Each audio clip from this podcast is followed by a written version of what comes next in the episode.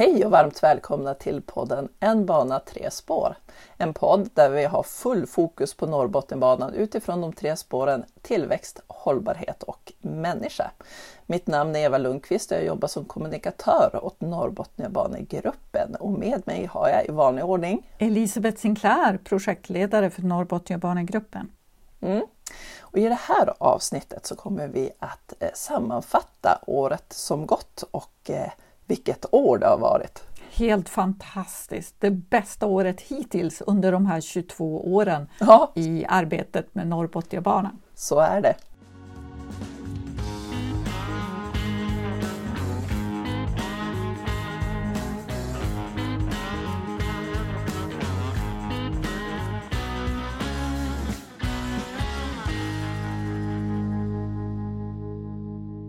2022 har varit ett väldigt händelserikt år för Norrbotniabanan och det blir en utmaning att sammanfatta det i ett, ett endaste poddavsnitt tycker jag. Ja, verkligen. Du nämnde att vårt arbete med Norrbotniabanan pågått i över 20 år. Tänk att Norrbotniabanegruppen funnits med så länge. Ja, alltså det kan ju låta väldigt länge men när vi jobbar med infrastruktur så vet vi ju att det kan vara ganska kort tid. Ja, vi kanske ska ta och passa på att berätta om syftet med Norrbotniabanegruppen. Varför startades den för över 20 år sedan? Ja, alltså det är så här att Norrbotniabanegruppen är ju kommunerna längs kusten från Umeå ända upp till Haparanda, Region Västerbotten, Region Norrbotten och näringslivets förlängda arm med syfte att få till först besluten om att Norrbotniabanan ska byggas.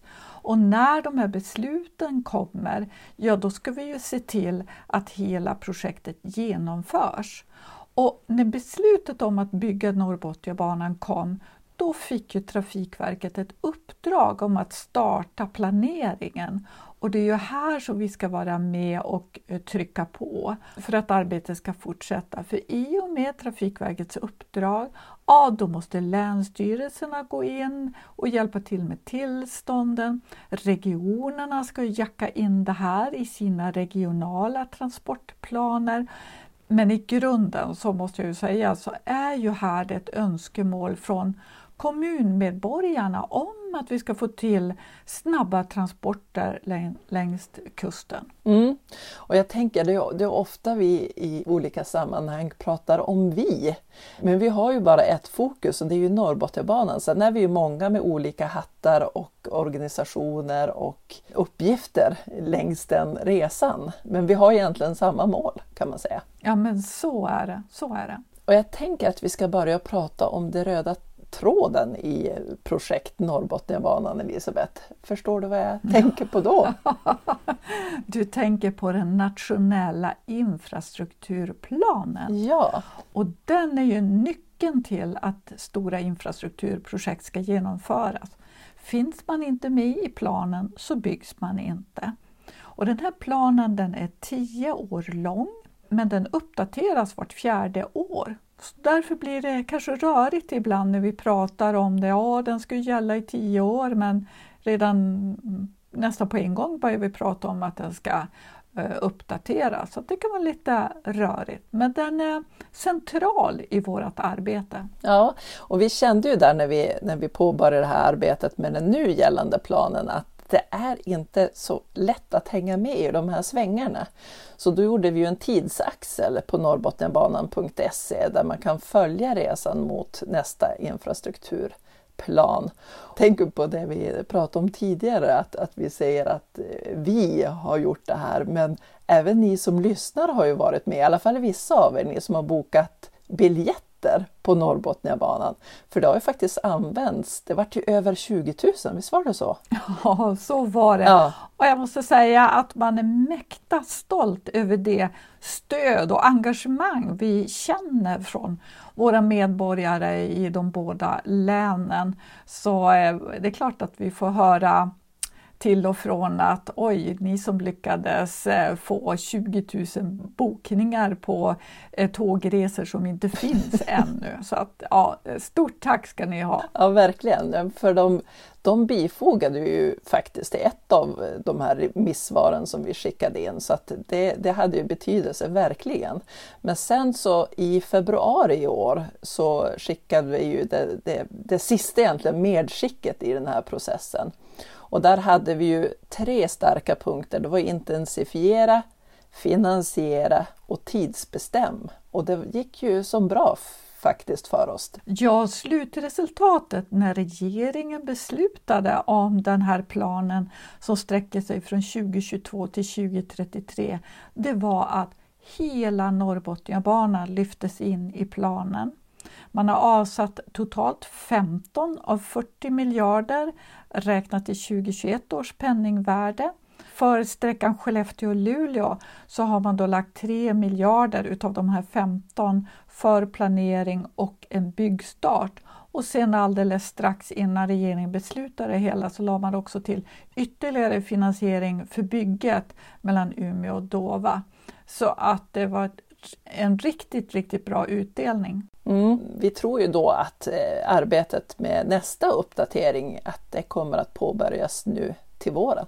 Ja, brukligt är ju att regeringen brukar skicka ett uppdrag till eh, Trafikverket om att sätta igång arbetet med nästa plan. Den tidigare regeringen kom ju på plats ganska sent och så där gjorde man ju det arbetet med rekordfart. Men det vore bra om vi kunde komma igång med det här arbetet så fort som möjligt. Och när det kommer igång då tror jag att vi gör en tidsaxel även för det för att eh, man lättare ska kunna följa med på resan mot nästa plan. Ja, så är det. En annan röd tråd i vårt arbete med Norrbotniabanan är ju möten och det märktes ju väldigt tydligt när eh, pandemin kom. Det vart som tomt i, i kalendrarna.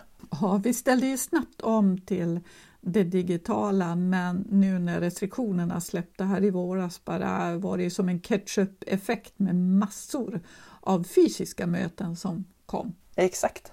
Man kan ju säga lite grann likt vi har gjort på vår webbplats att eh, vi har ju tre olika regioner eller eh, områden i vårt arbete och det är ju både på regional nivå och på nationell nivå och eh, på europeisk nivå. Och jag tänkte att vi kanske skulle börja prata om eh, våra regionala möten som vi har haft i år. Och först ut då Piteå där debatten har gått hög eh, för att en grupp vill ändra Norrbottenbanans dragning att gå utanför stadskärnan. Och det har skrivits många debattartiklar om eh, resecentrumets placering. Därför så anordnade ju Piteå kommun ett seminarium i mitten av juni. Ja men så var det. Vi eh, Norrbotniabanegruppen vi har ju också haft ett eh, seminarium året tidigare för det här är ju en viktig fråga att diskutera när det kommer upp synpunkter på detta. Vi tror ju inte att en framkomlig lösning att, att eh, göra om en järnvägsutredning för den som är gjord, den pågick ju under fyra år, alltså, jag tror det var från 2006 till 2010 med väldigt många samrådsmöten. Kanske ett av de, vad ska man säga, mest omfattande arbeten som har gjorts tillsammans med medborgarna, kommunmedborgarna i Piteå. Den här järnvägskorridoren är ju så noggrant utredda att om man gjorde om det idag så skulle man förmodligen hamna i exakt samma läge. Mm. Och det är ju väldigt ovanligt att man river upp beslut för en järnvägskorridor eftersom utredningen är så omfattande och när den är klar och beslutad, korridoren alltså, då skyddas ju den av lag och blir ett så kallat riksintresse för järnväg.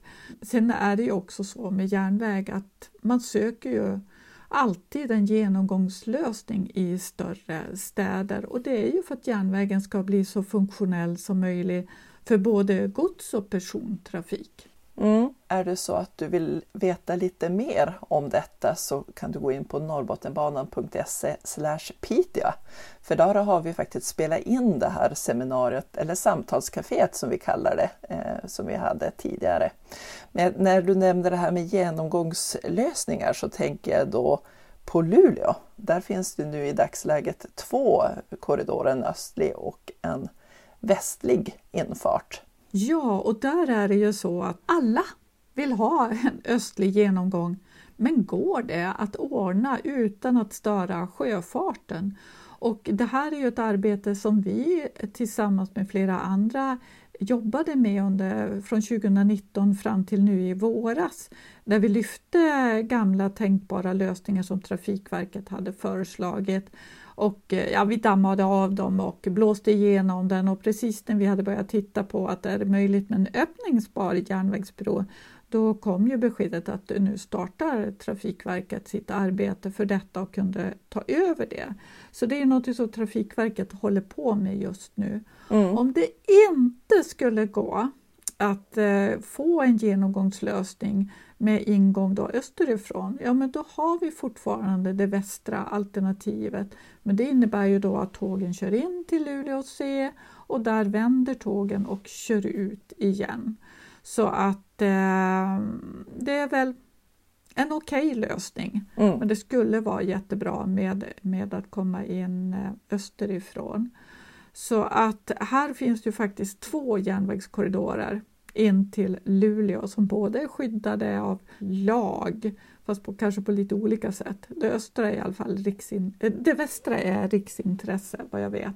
och det östra det är en korridor som både Trafikverket och kommunen har behållit. Men eh, nu vill vi komma framåt i det arbetet. Exakt, och jag tänker bara en sån sak som, som eh, ja, men det vi har nämnt tidigare också kopplat till de här korridorerna, att de ligger ju lite grann som en våt filt över samhällsplaneringen och samhällsutvecklingen också, för att du får ju inte bygga vad som helst i de här korridorerna, så att det skulle ju vara bra för Luleå just att man väljer en utav dem just för stads och samhällsutvecklingen. Ja, det är inte lätt för en kommun när det ligger sådana här reservat som det ena ska bort. Exakt. Så det är lite tufft. Vill ni läsa lite grann mer om det här som du berättade om tidigare Elisabeth, den regionala intressentgruppens arbete så finns det på norrbottenbanan.se Luleå. Men i år var det ju Piteå kommun som var värd för Norlia-mässan och och eh, det kändes ju extra bra med tanke på diskussionerna som går där om resecentrums placering.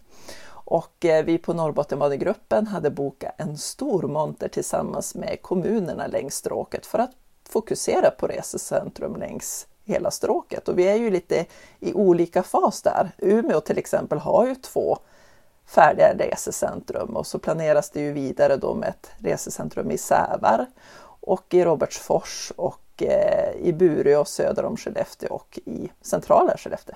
Och det blev ju ett jättebra evenemang på Nolia i och med att vi med, tillsammans med alla kommuner kunde stå och prata om samhällsutveckling och resecentrum och i montern intill så stod Trafikverket och pratade om planeringen och bygget av Norrbotniabanan. Så där skickade vi våra besökare mellan varandra och så var det ju ett väldigt bra tillfälle för kommunerna att få träffas för det är inte så ofta de gör det i ett specifikt sammanhang så här som handlar om Norrbotniabanan.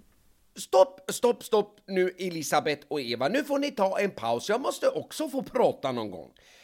Ja, det är så mycket man ska hinna innan julafton. Alla julklappar är klara, men nu kommer det roligaste, nämligen julgransdekorationen.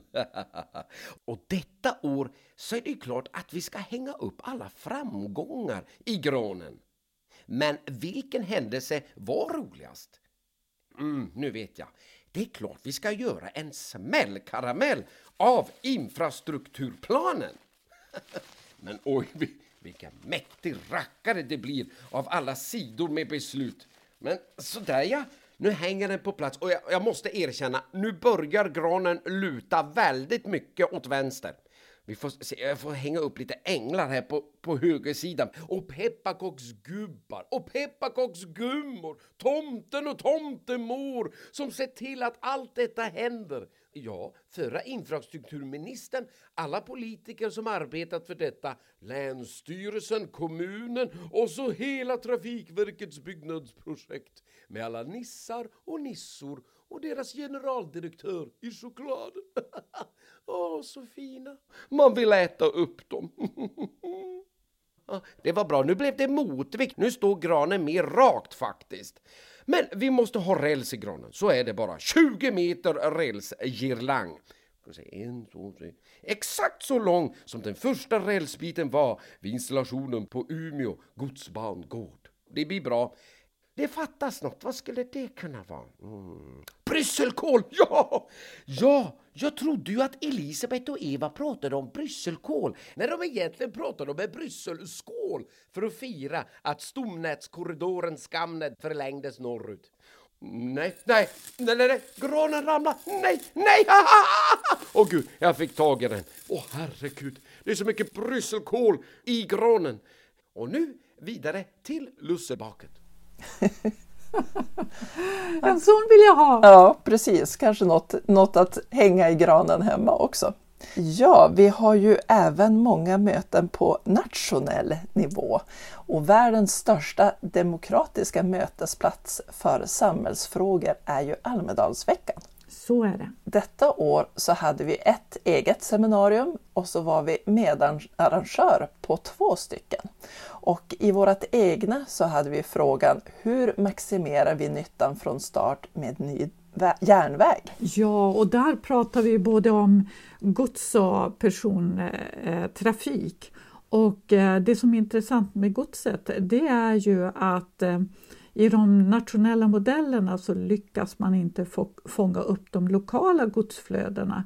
Och det här kommer vi att prata mycket mer om under våren. För vi får ju ganska mycket frågor om eh, hur mycket gods kommer de nya företagen att eh, leverera när de står klara och det är ju otroligt svårt att säga men det ska ju få plats på järnvägen ändå. Mm. Sen så var vi ju även medarrangör tillsammans med Botniska korridoren på ett jätteintressant seminarium. Ja, och där fanns ju bland annat Christian Danielsson med som tidigare var chef för Sveriges ständiga representation vid Europeiska unionen men som numera är statssekreterare i den svenska regeringen. Riktigt, riktigt spännande.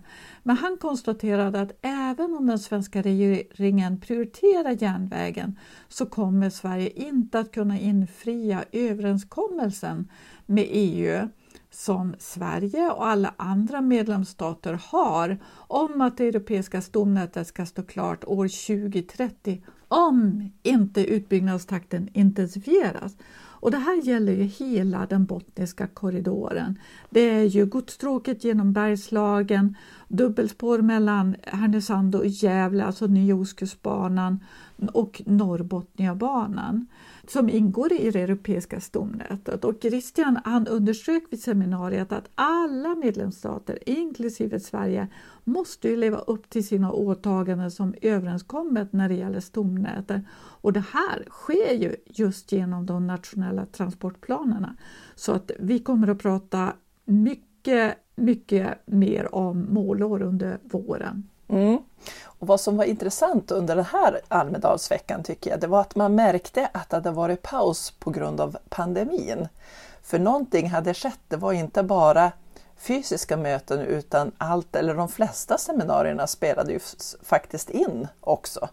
Vilket är superbra att fler får möjlighet att kunna ta del av dem.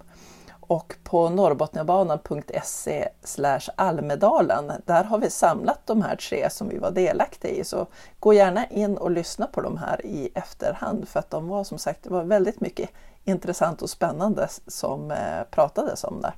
Vi har ju många gånger pratat om att järnvägen är ett system och det stannar ju såklart inte innanför Sveriges gränser utan eh, även våra våra grannländer.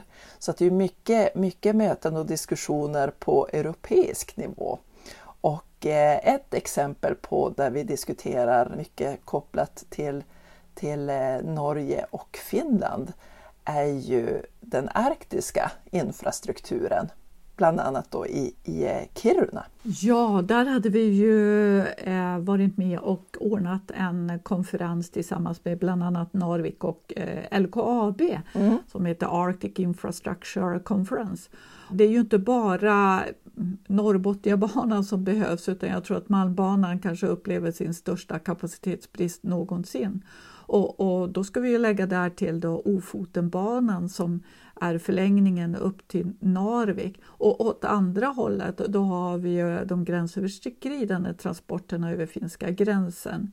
Och så hänger det här ihop med den infrastruktur som finns idag då, söderut från Boden och det är ju stambanan genom övre Norrland där det är sån kapacitetsbrist idag att det är svårt liksom att få till transporter från Finland över gränsen och vidare söderut i Sverige. Så att allt hänger ihop och det här var det jätteviktigt att prata om och eh, som lyftes vid den här konferensen och som också görs i många konferenser med europeiska perspektiv det är situationen i Ukraina. Alltså mm. Försvarsmakten var också med för att prata om vikten av att ha ett gränsöverskridande fungerande järnvägssystem över, över gränserna. När den här konferensen var uh, slut så såg man ju att det behövdes ett fördjupat arbete och det är ett eget projekt numera som heter Roadmap for Improved Arctic Infrastructure and Logistics System. Oj, det var en liten tung vrickarhistoria där. det där kan man inte säga snabbt. Mm, precis, som syftar då till att utveckla en gemensam strategi just för att öka samarbetet och bidra till nya satsningar på Eh, Eh, transportinfrastruktur eh, på Nordkalotten och då kanske då främst i öst-västlig riktning. Men det påverkar eh, Norrbotniabanan och de transporter som ska stå här. Och de som finansierar just det här projektet det är då LKAB och Narviks hamn, Nordkalottrådet, Region Norrbotten, Nordland fylkeskommuner och Tornedalsrådet. Så man ser att det här intresset är stort i flera länder. Mm. Så att, eh, och vi följer det här projektet nära.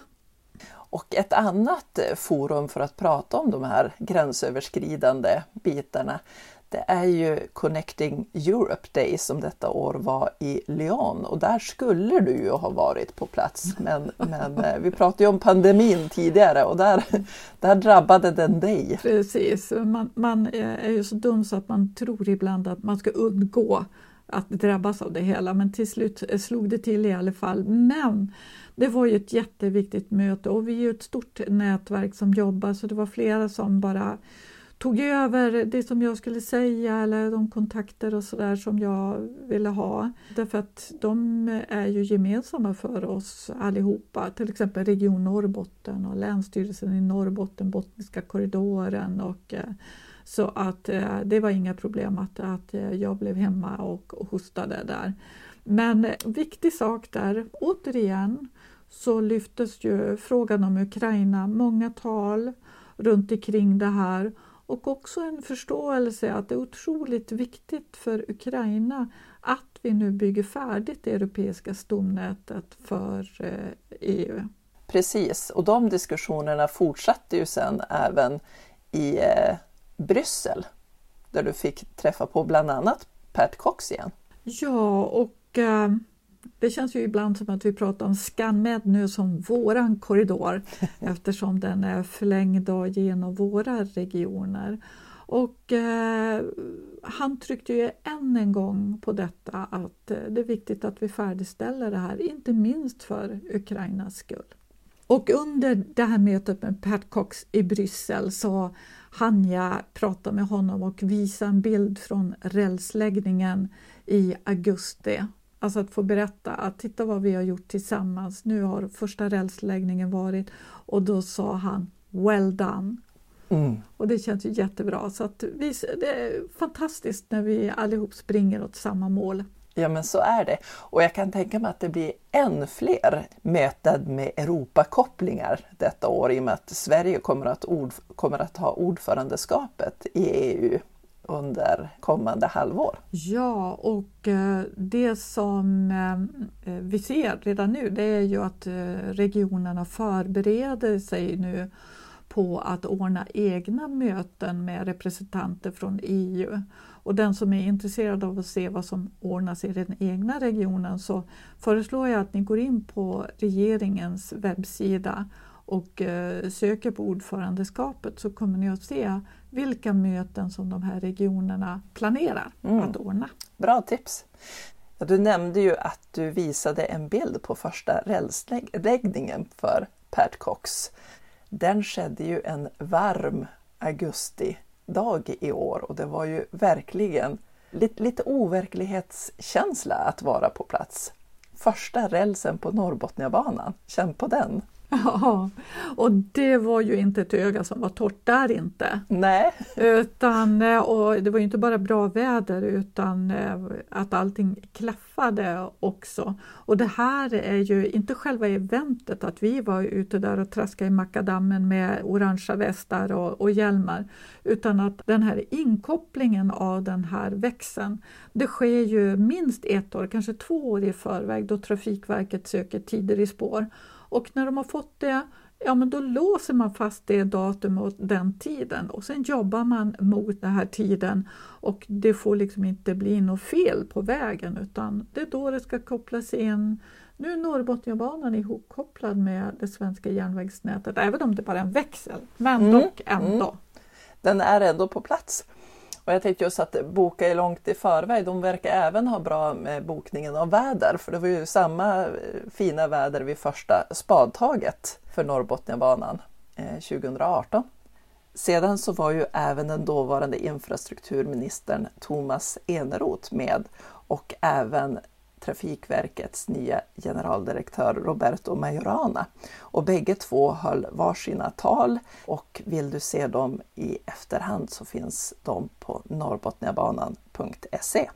En annan eh, stor händelse det var ju nu i höstas då eh, samtliga sex eh, järnvägsplaner mellan Dova och Skellefteå vart fastställda. Vad, vad innebär det egentligen Elisabeth? att Trafikverkets planering är klar.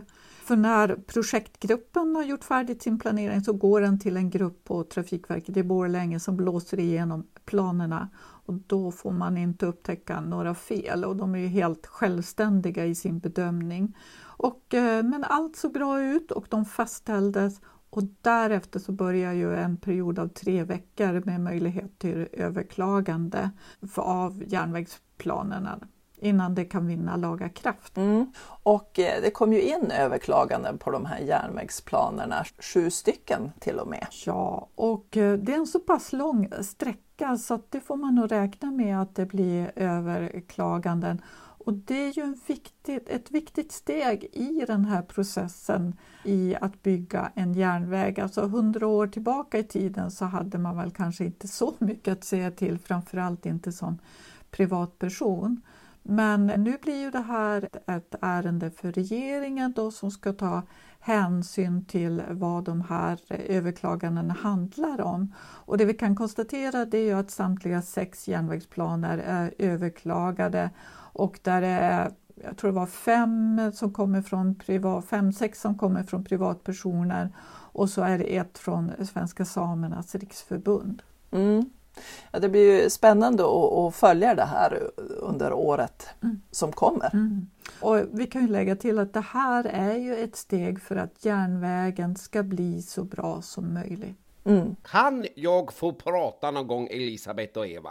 Ah, tack så mycket. Det är bra att hela Norrbotniabanan nu finns med i planen. För vad är väl en halv bana mot en hel? Det är ju som att bara se halva Kalle på julafton. Man önskar ju att Norrbotniabanan... Oj, önskelistan! Jag höll på att glömma min önskelista för i år. Fram nu, papper och penna. Nu ska vi se. Ja, nu, nu, nu måste vi tänka. Jo, det är ju viktigt att banan byggs klart i sin helhet. Så det kommer nog överst på listan. Då skriver jag det här. Sen behövs det fortsatt finansiering. Och självklart vore det bra om banan byggdes från två håll. Ja, jag skriver intensifiering. Så, punkt. Men vad blir vår ledstjärna för det kommande arbetet? Ja, jag kom på det! Vi måste bestämma när banan står klar. Jag tror jag skriver ett julrim om det på självaste julstjärnan istället så att det ligger top of mind. Midvinternattens köld ger oss vad vi tål, men resenärerna och näringslivet kan inte vänta. Låt oss sätta ett årtal för vårt mål. Då kan vi in i framtiden glänta. Alltså, ursäkta mig, men var får jag allt ifrån? Herregud, alltså det här, det här var den bästa önskelistan jag skrivit eh, i hela mitt liv. Bättre än när jag fyllde sju och önskade mig en ångmaskin. ja, det här var ju fantastiskt.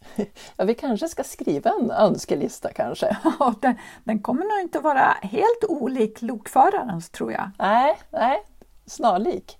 Eh, men om vi ska sammanfatta lite grann gällande utgångsläget eller vad vi har att förhålla oss till under nästa år så vet vi ju att eh, hela Norrbotniabanan finns med i den nationella infrastrukturplanen.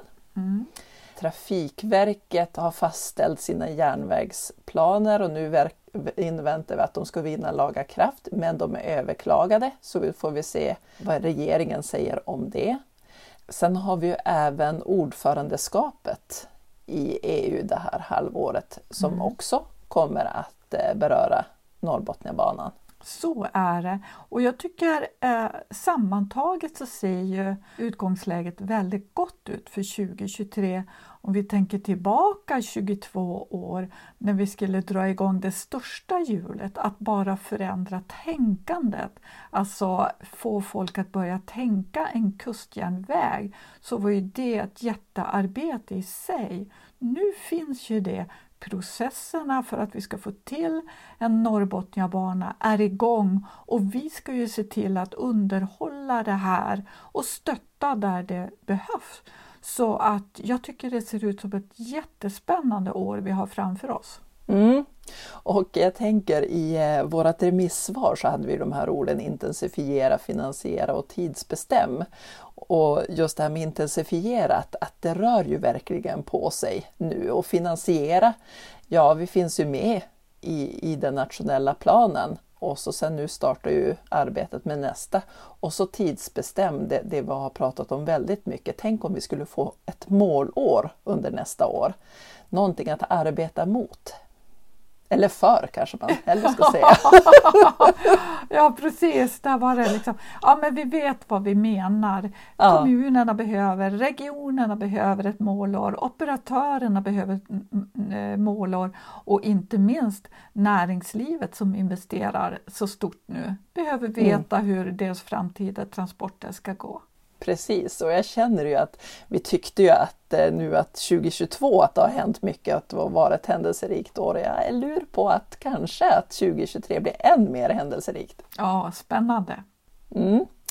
Och eh, i vanlig ordning så kommer väl du att sammanställa den här, det här poddavsnittet på något underbart sätt i en blogg, Elisabeth?